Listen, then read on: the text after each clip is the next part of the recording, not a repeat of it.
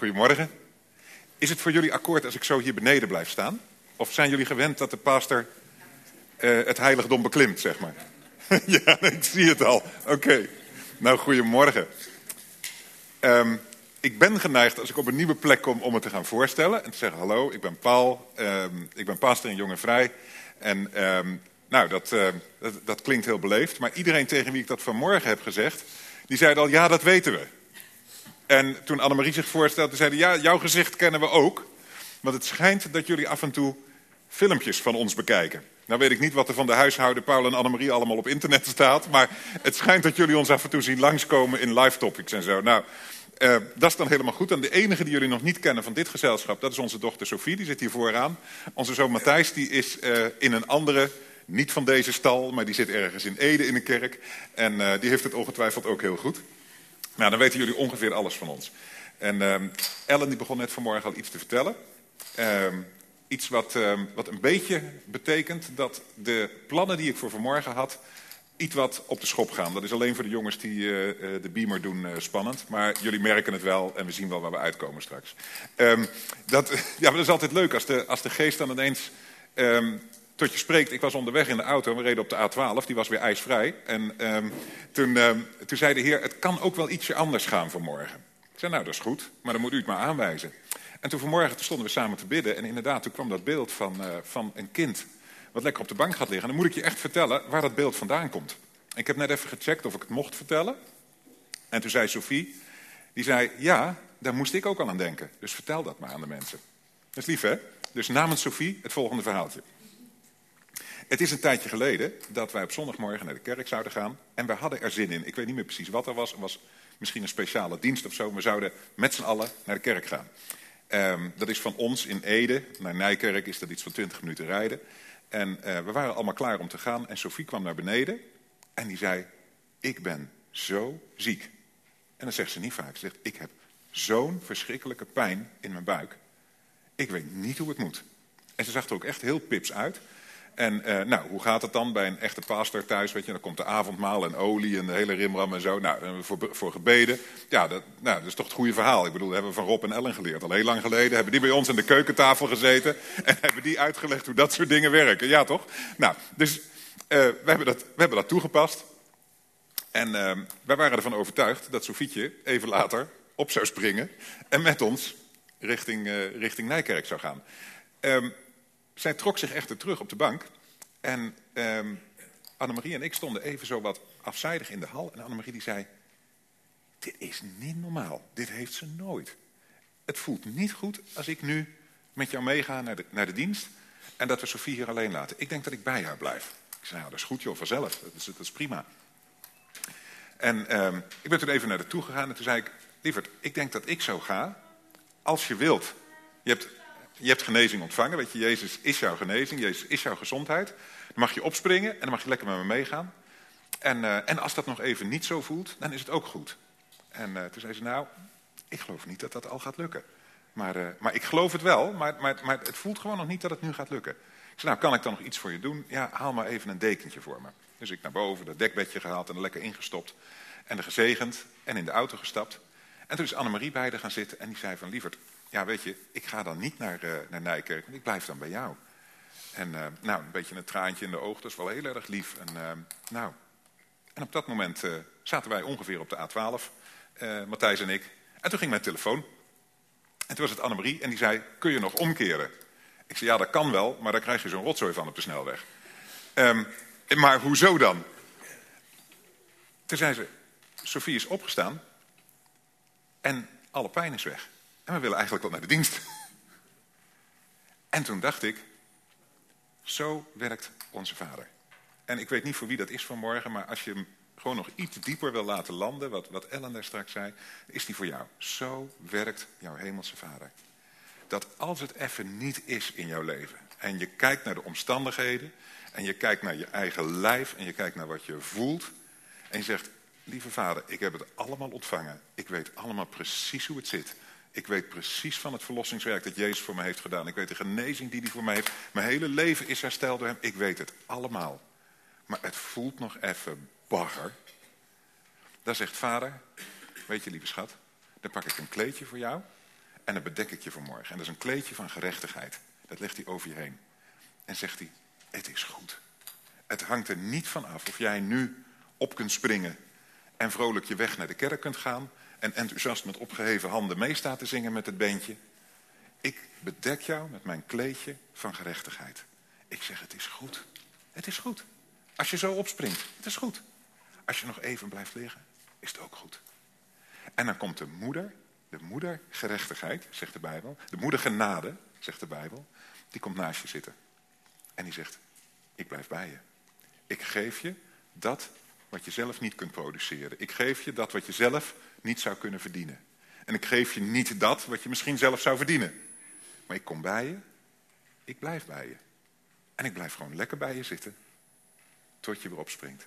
Tot het weer gaat. En tot je weer in het leven dat kunt gaan doen waarvoor je echt gemaakt bent. Nou, dat is ongeveer zoals het bij ons thuis gaat op die momenten dat ze er geen filmpje van maken. Die is voor jou. Die is voor jou. Daar zegen ik je mee. Dat je vanochtend je gewoon even bedekt voelt door dat kleedje van vader. En die zegt, joh, zak maar even achterover in het kussen. Is goed.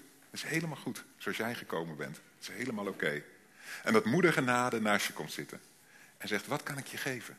Wat kan ik je nog geven vanochtend? En dan neem ik je mee, want nou gaan we wel op reis zo direct. Eh, ik, ben, ik ben een jonge vrij, ben ik aangesteld als pastor van onder meer de missions. Dus van de, de, de, de, de reizen naar andere plekken die we maken om daar de gemeentes te bedienen. Dus ik ga je wel even meenemen op reis, als je dat goed vindt. Maar als je zegt, nou Paul, niet te hard op de snelweg en niet te hoog vliegen. Helemaal goed, helemaal goed. Blijf lekker zitten. En als je inmiddels voelt van, nou, nou, ik ben wel klaar om een stukje mee te gaan. Dan uh, stap maar in, maak je riem maar vast. En uh, we, gaan, we gaan op reis samen. Is dat oké? We samen op reis gaan? Ik moet jullie de groeten doen uit Nijkerk. Van David en Maaike. Ja, die zijn hier natuurlijk nu niet. Maar vanmorgen al intensief appcontact op de A12. Dat zit Annemarie dan te doen. Hè? Dan heb ik de handen aan het stuur, heus. Maar um, ja, Annemarie die, die heeft David en, en Maaike er al op gehad. En dat, uh, ja, dat ze hier vandaag niet zijn. Ja, dat is natuurlijk ja, dat ze mij wel vertrouwen om hier alleen te zijn. Dat vind ik wel heel mooi. Maar Maaike heeft wel geprobeerd om haar invloed te laten gelden. Die zei, jij hebt een verhaal van een van jullie reizen. Dat moet je in Barendrecht gaan vertellen. Dat is een soort een disclaimer. Als je nou aan het eind zegt, ik vond die preek helemaal niks. Dan hoef je niet mij de schuld te geven, dat is gewoon Maaike. Ja? Heb je hem? Ja? Oké, nou, ik neem je mee op reis. Want we waren, um, we waren met Jong en Vrij waren we afgelopen jaar in heel veel verschillende landen. Misschien heb je iets van gehoord, iets van gezien op internet. Een van de landen waar we waren afgelopen jaar is uh, Oekraïne. Niet dat gedeelte waar ze zo heel hard schieten. Um, daar, uh, daar, daar bidden we vooral voor en die, uh, dat gebied zegenen we vooral. En we geloven dat we daar naartoe gaan en dat het niet lang meer gaat duren... om de mensen daar te vertellen hoe goed Jezus voor ze is. Maar we waren in het westelijk gedeelte van de Oekraïne. Het zuidwestelijk gedeelte, wat daar zo'n beetje ter hoogte van de uh, Roemeense, uh, Hongaarse grens ligt. Een beetje ter hoogte van dat drie landenpunt. Daar is een kerk, een gemeente, die, die zeg maar een soort... de voorganger is een soort overseer van het hele kerkdistrict. En dat is een district van ongeveer de grootte van de provincie Utrecht.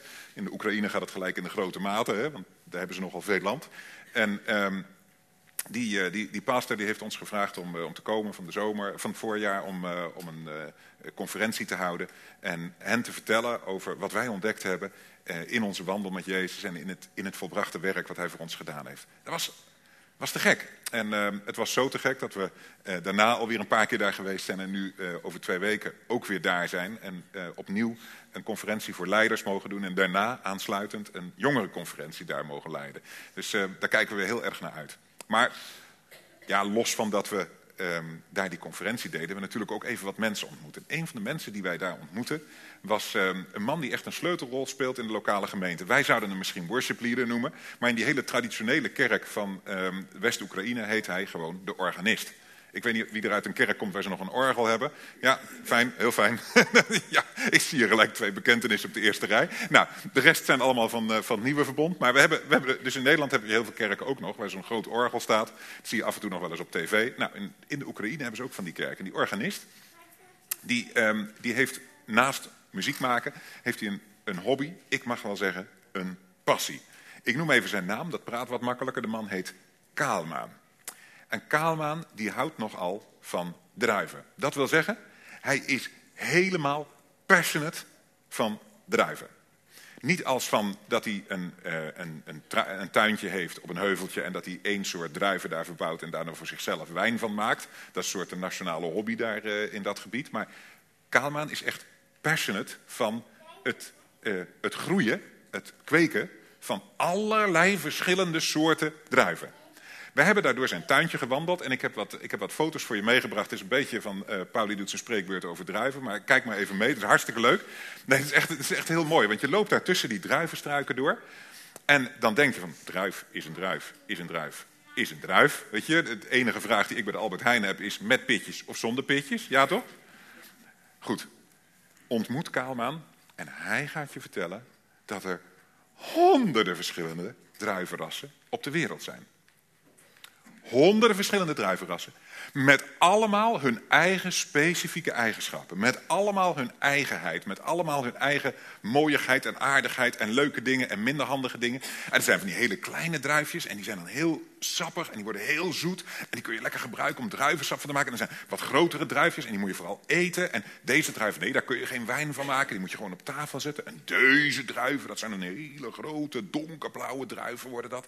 En daar maken we wijn van. En daar komen er verhalen van wat de ene druivensmaak doet en wat de andere druivensmaak doet. Wanneer de een, uh, hoe noem je dat, klaar is, gaar is, uh, rijp is, uh, rijpt. En wanneer de andere, ik dacht al die druiven zijn tegelijk rijp, dat hoor je toch altijd in Frankrijk. Dus, ja, ga in september naar Frankrijk en dan zijn de druiven gaar. Maar nee, dit is, die ene druif die is al eind augustus. En die andere druif, daar moet je veel langer mee wachten. En dan moet je heel voorzichtig en zo. Nou, wij waren daar, wij liepen daar door Kaalmaan zijn tuintje. En wat wij zagen, was echt die metafoor die Jezus in het Nieuwe Testament vaak gebruikt. Waar hij vaak zegt van, uh, uh, kijk, zo, zo, mag je eigenlijk naar mijn vader kijken. Als Jezus zijn vader voorstelt, dan zegt hij, dat is eigenlijk de wijnboer. Hè, wij zouden zeggen de, de, druivenboer. En wij zijn eigenlijk de ranken. En dat is een ouderwets woord voor die takken die aan die druivenstruiken hangen. En uh, ik, vond dat, ik vond dat mega mooi om te zien. En eens hielp dat mij om dat verhaal van Jezus, als die, als die, die vergelijking gebruikt, om die veel beter te snappen en om die wat, wat dichter bij mezelf te brengen. Want die wijnboer, die kent al die verschillende druiven. Die is nog gepassioneerder dan Kaalmaan over al die verschillende druivenrassen. Met allemaal hun eigen eigenschappen, hun eigen aardigheid en hun eigen dingetjes. En die weet precies, die ene druif heeft wat meer zon nodig. En die andere, die, die, die, die moet op tijd moet zijn regen hebben. En die moet vooral in het vroege voorjaar water hebben. Die andere die moet dan het late zomer, moet die vooral wat droog weer met een zonnetje. Hij kent het allemaal. En het mooiste, moet ik nog even vertellen, het leukste, leukste was... dat we hadden al die, die, die druiven hadden we zo gezien, hadden we tussendoor gelopen. En Kaalman, die had aan zijn eigen landje had hij niet genoeg. Die had het landje van de buren had hij erbij gekocht. Die buren die waren niet zo heel erg van de groene vingers en zo. Dus die, hadden, die deden er niks mee. En Kaalman had het stukje land had hij erbij gekocht. En daar had hij, wat hij noemde, zijn druivenschooltje. Vind je het niet lief? Vind je het lief? Daar had hij jonge druivenplantjes. Ja, ik vind het heel lief. Ik vind het heel mooi. Had hij jonge druivenplantjes, die had hij daar gepoot. En dat deed hij dan heel voorzichtig, ging hij die dan een beetje zo opkweken. En dat waren plantjes die nog niet zo heel groot waren. En die konden nog niet zo tegen die, tegen die takken op, zo, tegen die stokken op omhoog. Maar die lagen nog zo'n beetje over de grond te krioelen. En dat was, was helemaal niet erg. Het leek wel, het leek wel alsof Kaalmaan met nog meer liefde voor die kleine plantjes die daar zo'n beetje lagen te fruttelen in, de, in, in, in, in het gras, dat hij nog meer liefde voor die kleine plantjes had dan voor al die grote planten die daar al, um, die daar al stonden en aan die, aan, die, aan die stokken zo omhoog groeiden. Mooi hè? Zullen we eens kijken wat, wat, wat, wat, Jezus daar precies over zei toen hij het daarover had. Zullen eens even kijken naar die tekst in de Bijbel. staat in, staat in Johannes 15. Ik, uh, ik heb hem meegebracht. Daar zegt hij, ik ben de ware wijnstok. Dat is zeg maar de stam van die wijnstruik die je net zag. Ik ben de wijnstok, zegt Jezus dan. Dat is de stam. En mijn vader is de wijnbouwer. Dat is de, de grote kaalman, de grote wijnboer. En iedere rank aan mij, nou, hallo, ranken, daar zijn wij dan, hè? daar zijn we die verschillende ranken die geen vrucht draagt, die snijdt hij weg. Oeh. Oeh, dat klinkt, dat klinkt iets minder vriendelijk. Daar gaan we zo direct op terugkomen. Dat, dat dreigt wat bloederig te worden. En iedere rank die wel vrucht draagt, snoeit hij bij, opdat hij meer vrucht draagt. Jullie zijn al rein door alles wat ik tegen jullie gezegd heb. Nou, nou, nou dachten we als die pastor Pauli komt uit, uh, uit Nijkerk dat we dan een beetje een blije tekst gaan lezen en dat we dan allemaal blij de zaal uitgaan. Ehm, dit, dit is zo'n beetje zo'n tekst die, als je een aantal jaren, zeg maar, de heer leren kennen, onder de indruk geraakt bent van zijn volbrachte werk, van zijn genade, van zijn liefde, dan lees je zo'n tekst in je Bijbel en dan denk je, jek. Uh, ze hebben mij verteld dat God liefde is. En dat zijn zoon. En dan, en dan, en dan komt er zo'n zo verhaal van. En als je dan geen vrucht draagt, dan komt de wijnbouwer. Dat is een heel scherp mes. En die doet een rat. Die snijdt hem weg. Heb je dat niet? Sorry, dat heb ik weer alleen. Heb je, heb je herkenbaar? Ja, je moet even feedback geven hoor. Want ik, ik zit maar een beetje naar jullie te kijken. Jullie hebben allemaal een film van mij gezien. Ik ken jullie nog niet, hè? dus we moeten elkaar nog een beetje leren kennen. Zo. Zullen we er even naar kijken wat daar precies staat? Om hem goed te begrijpen. Zullen we er heel even induiken? Daar staat, iedere rank aan mij in onze Nederlandse Bijbel die geen vrucht draagt, die snijdt hij weg. Het woordje snijdt hij weg is in het Grieks het woordje aero. Aero. En dat is gek. Dat woordje aero, dat heeft als primaire betekenis, dus waar ze het, het, het, het meest voor gebruiken, heeft het niet de betekenis wegsnijden. Heeft een andere betekenis. Je kent wel van die woordjes, als je in het Nederlands zegt ik zit op de bank, dan snapt iedereen dat je dat ding bedoelt waar je zo op kunt zitten met kussens en dat je niet het gebouw bedoelt waar ze ook een pinautomaat hebben. Hè? Maar zo'n woord bank heeft meerdere betekenissen. Nou, het woordje aero heeft ook meerdere betekenissen. Ja, hebben ze? Ja. Nou, de, dat woordje aero, dat betekent in de eerste plaats niet wegsnijden, weghakken. Dat woordje aero wordt in de allereerste plaats gebruikt voor optillen opnemen. Bijzonder, hè? Nou kan het zijn dat jij denkt, haha, ja, maar Pauli is van die genadekerk. En die jongens die vinden overal in de Bijbel, vinden die bewijs voor hun stelling dat God echt liefde is. Herkenbaar? Nee, hoef je hand niet op te steken nu. Nee, nee laat maar. Nou, nou, nou ik, ik ga je helpen. Ik ga je helpen. Want als je ook maar enige verdenking tegen mij koesterde, ook daar is geen veroordeling voor. Hartstikke idee. Maar ik ga je ik ga je meenemen naar de eerste plaats in de Bijbel waar dat woordje airo voorkomt. Ja? Leuk? Nou even in, in, in, in het Nieuwe Testament, even terugbladeren naar de plek waar Jezus helemaal aan het begin van zijn bediening op aarde door de duivel wordt meegenomen naar een hoge plek waar hij hem uitzicht geeft over het land en over de stad. En dan zegt hij, kijk eens, het kan allemaal van jou zijn. Moet één kleinigheidje doen. Moet je naar beneden jumpen? Want ja, staat toch in de Bijbel? staat in het Oude Testament. Zegt die oelewapper dan, hè? Zegt hij, spring maar naar beneden. Want dan komen de engelen en die zullen je op handen dragen. Ken je dat verhaal? Bekend? Bekend verhaal? Ja. Mooi, hè? Zijn engelen zal hij opdracht geven om u op handen te dragen. Let op. Op handen te dragen. Aero in het Grieks. Mooi, hè? Mooi, hè?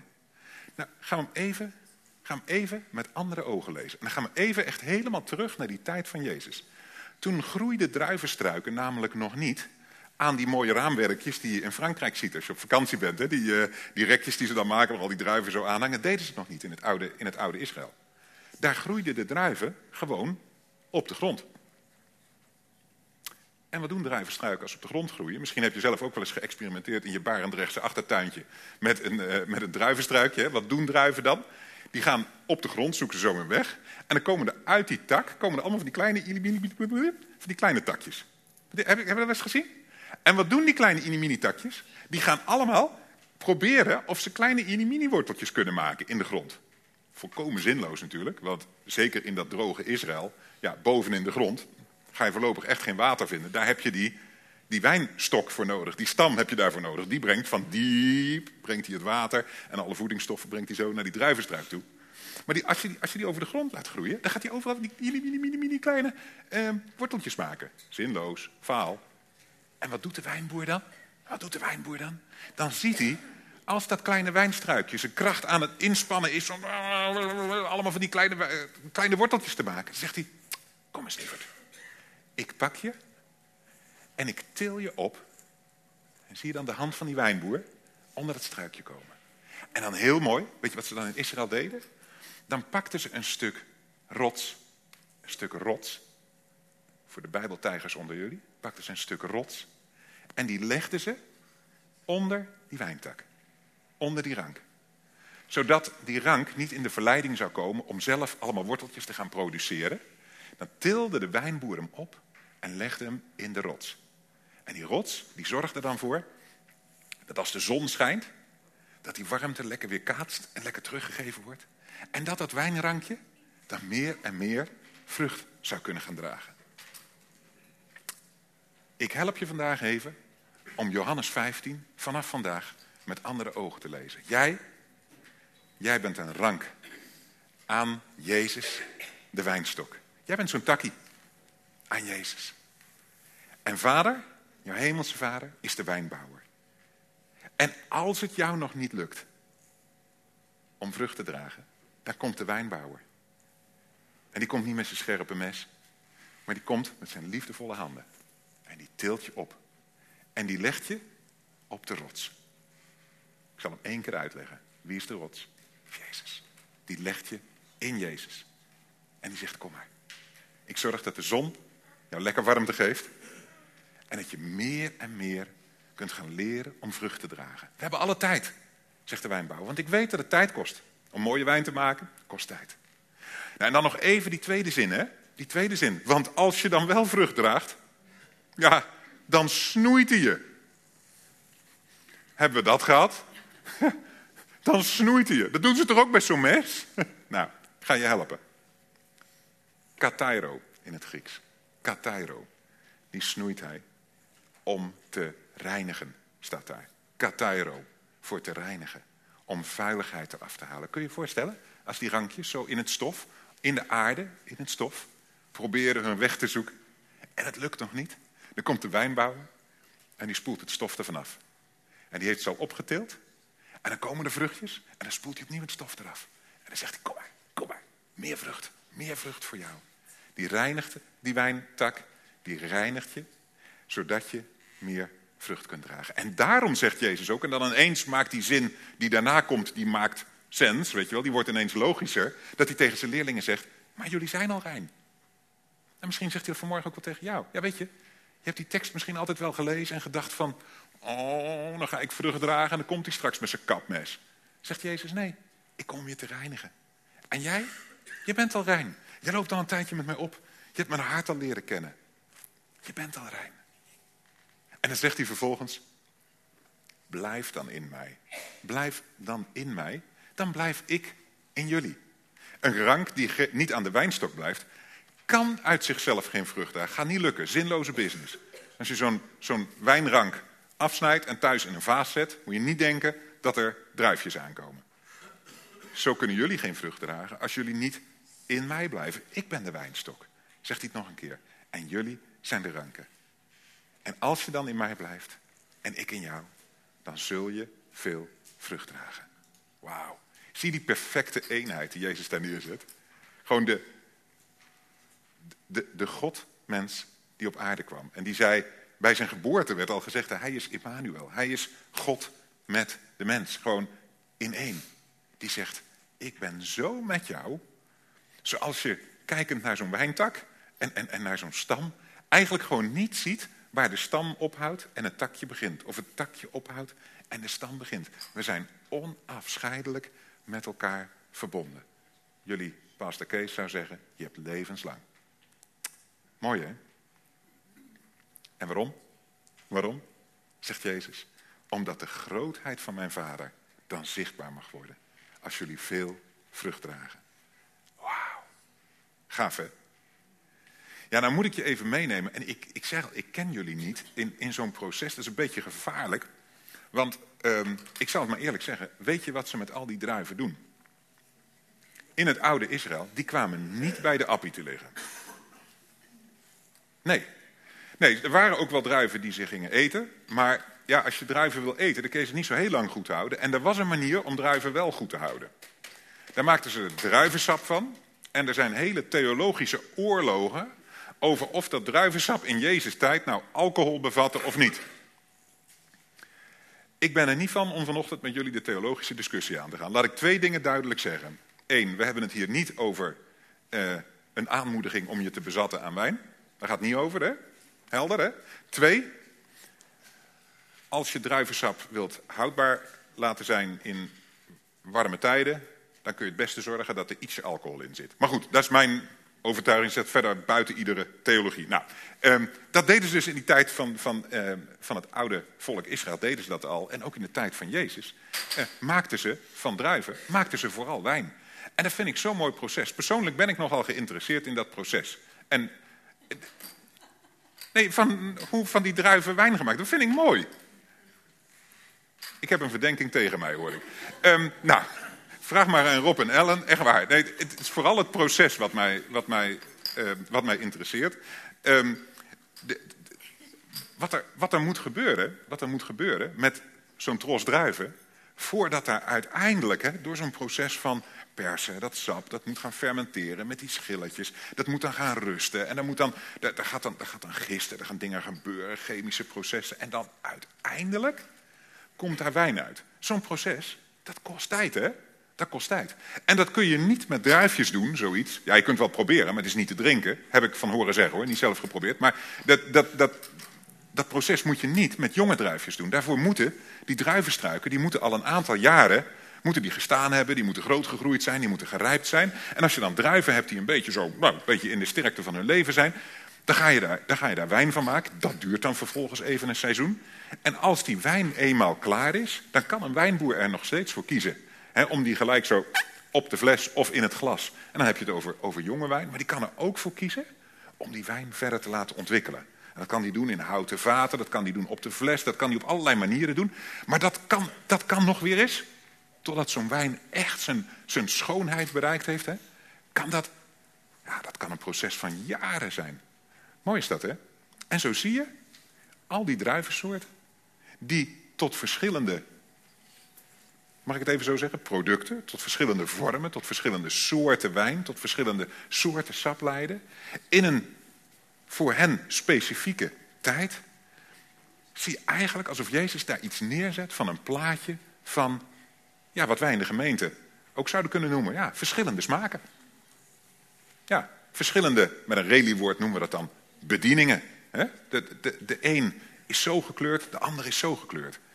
En het is zo gaaf dat um, als, je, als je dan even wat dieper in dat proces kijkt, hè, dat wanneer een wijnboer een hele mooie wijn maakt van één specifieke druivensoort, dan is dat al heel leuk. Hè? Dat, dat noemen ze in Frankrijk noemen ze dat een cépage. Dat is een, dat is een mooie wijn van één specifieke druivensoort. Weet ik veel, van een, van een, van een cabernet druif of zo. Een hele mooie wijn dan.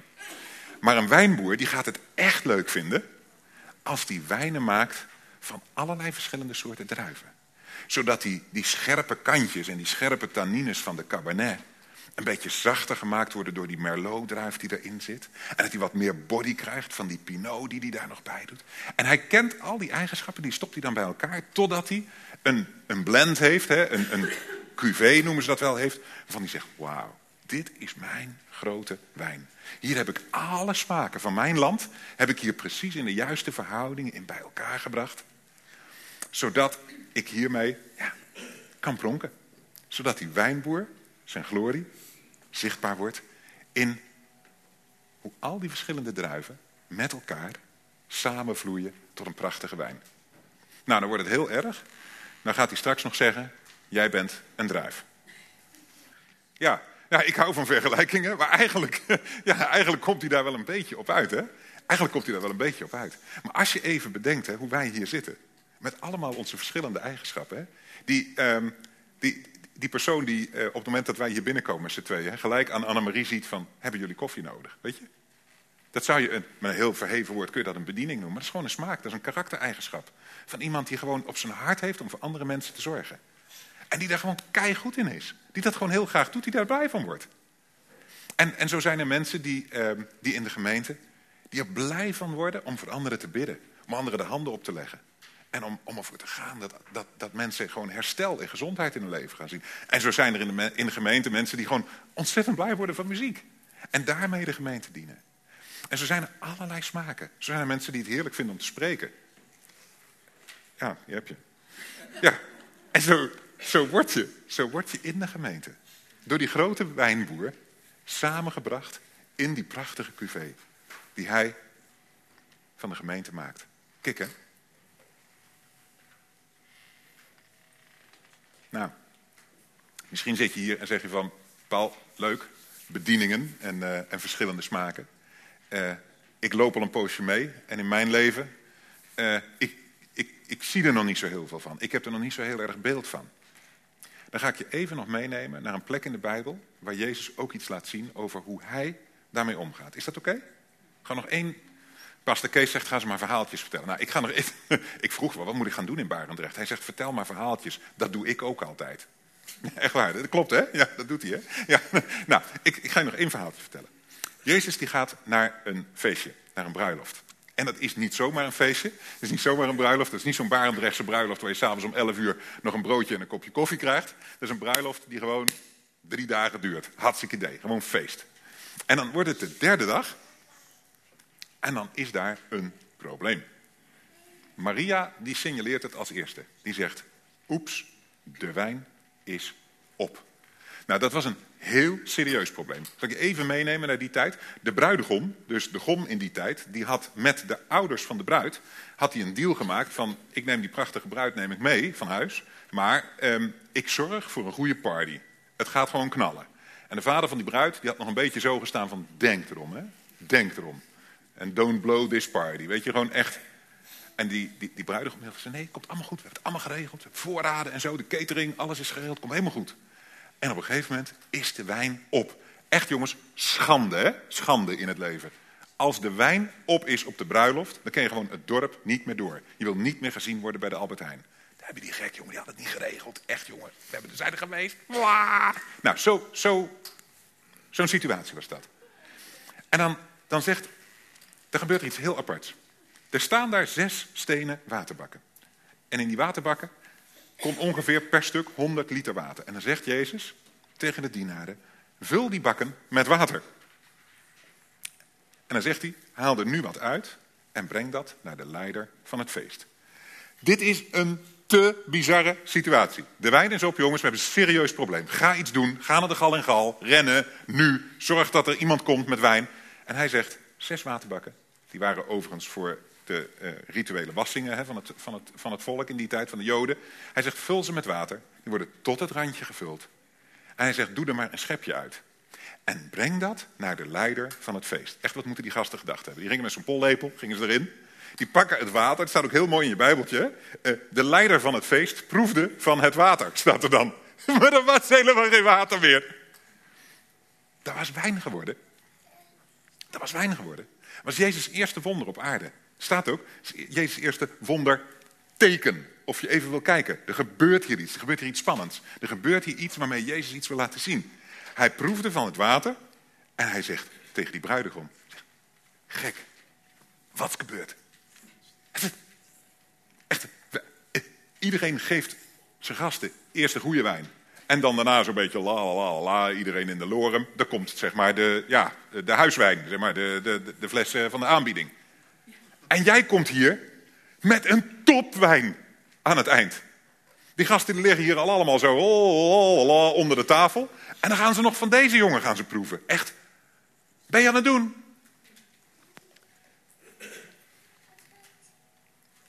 Wat doet Jezus hier? Wat doet Jezus met wijn? We zijn, nogmaals, we zijn aan het kijken naar wat Jezus wil laten zien over bedieningen.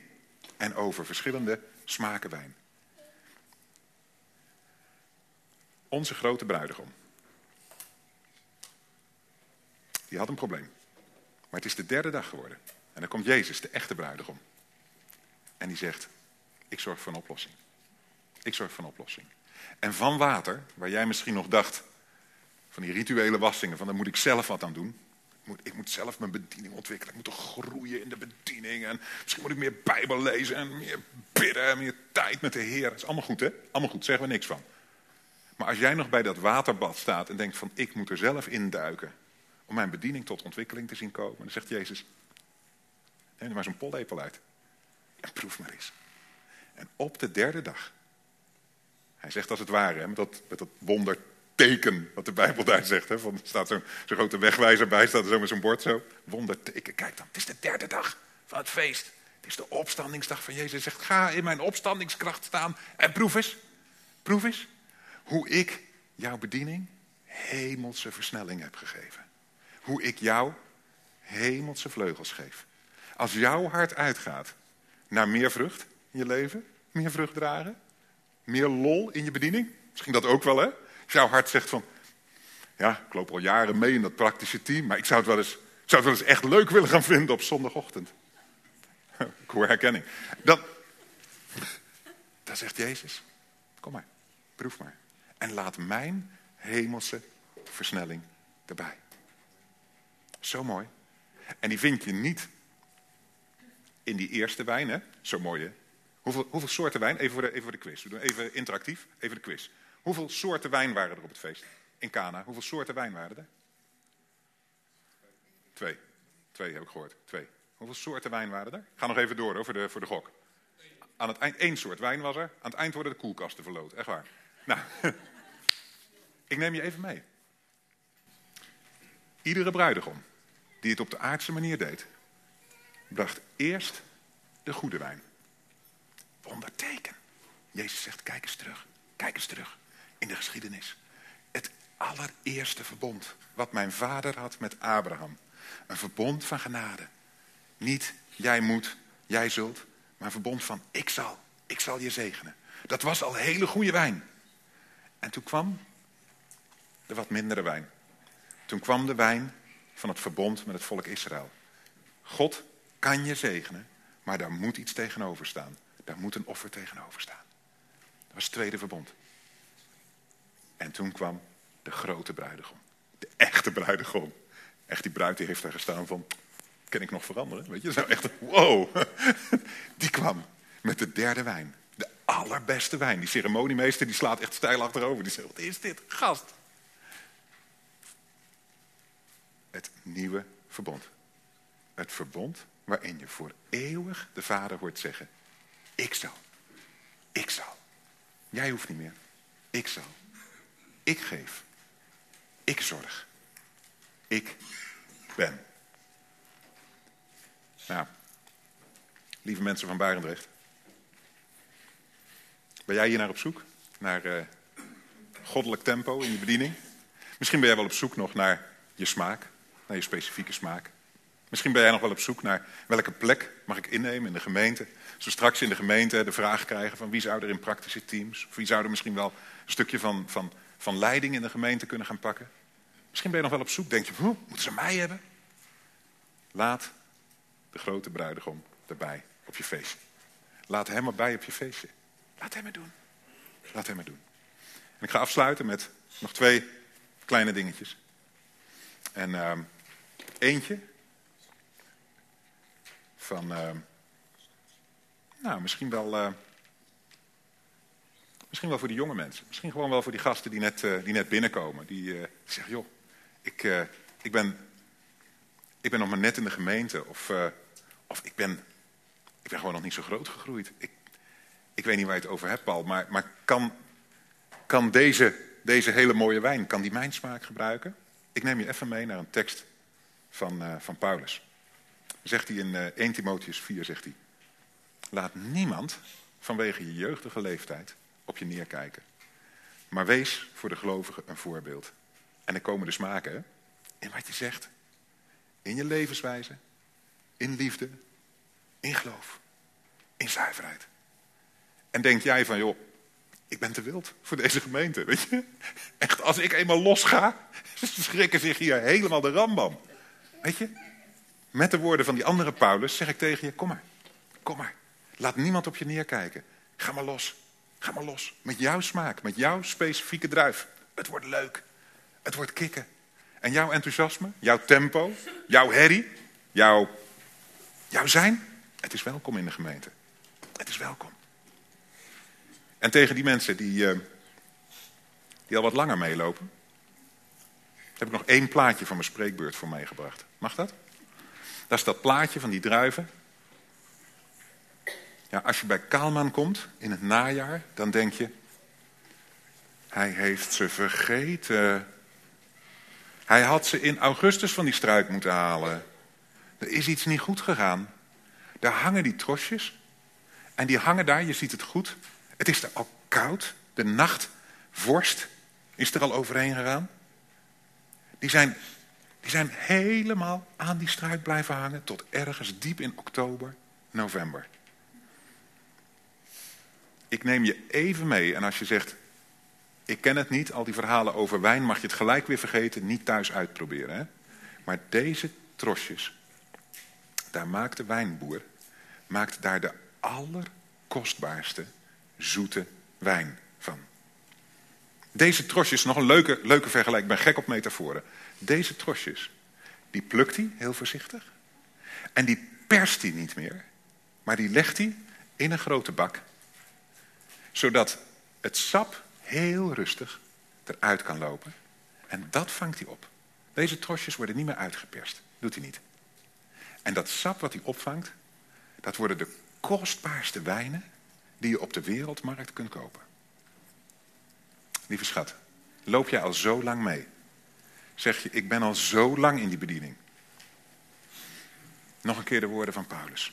Ik pak even, dan speciaal voor jou als dat mag, de oude vertaling, de Statenvertaling erbij. Onze zaligmaker, Jezus Christus, die de dood teniet gedaan en het leven en de, let op, onverderfelijkheid aan het licht heeft gebracht door het evangelie. Dat is jouw wijnboer. Dat is de stam waaraan jouw wijnranken groeien. Lieve broer, lieve zus. Als je al zo lang meeloopt en denkt, die wijnboer, die is me vergeten joh. Die heeft me hier in de winter laten hangen. Wat moet er nou nog van mijn leven voor vruchten komen? Dan zegt vader vanmorgen tegen je. Ik ben vanmorgen gekomen. En ik heb er zo'n piepo wat jong en vrij voor meegebracht. Om je te vertellen, het is nog niet over. Het begint pas. En het wordt mooi. Het is kostbaar. En wat er uit jou komt, de vrucht die jij draagt. Misschien is het je woorden. Misschien is het jouw wijsheid. Misschien is het je leiderschap. Misschien is het gewoon je leven wat je deelt met mensen om je heen. Dat is onverderfelijkheid van Jezus. Amen.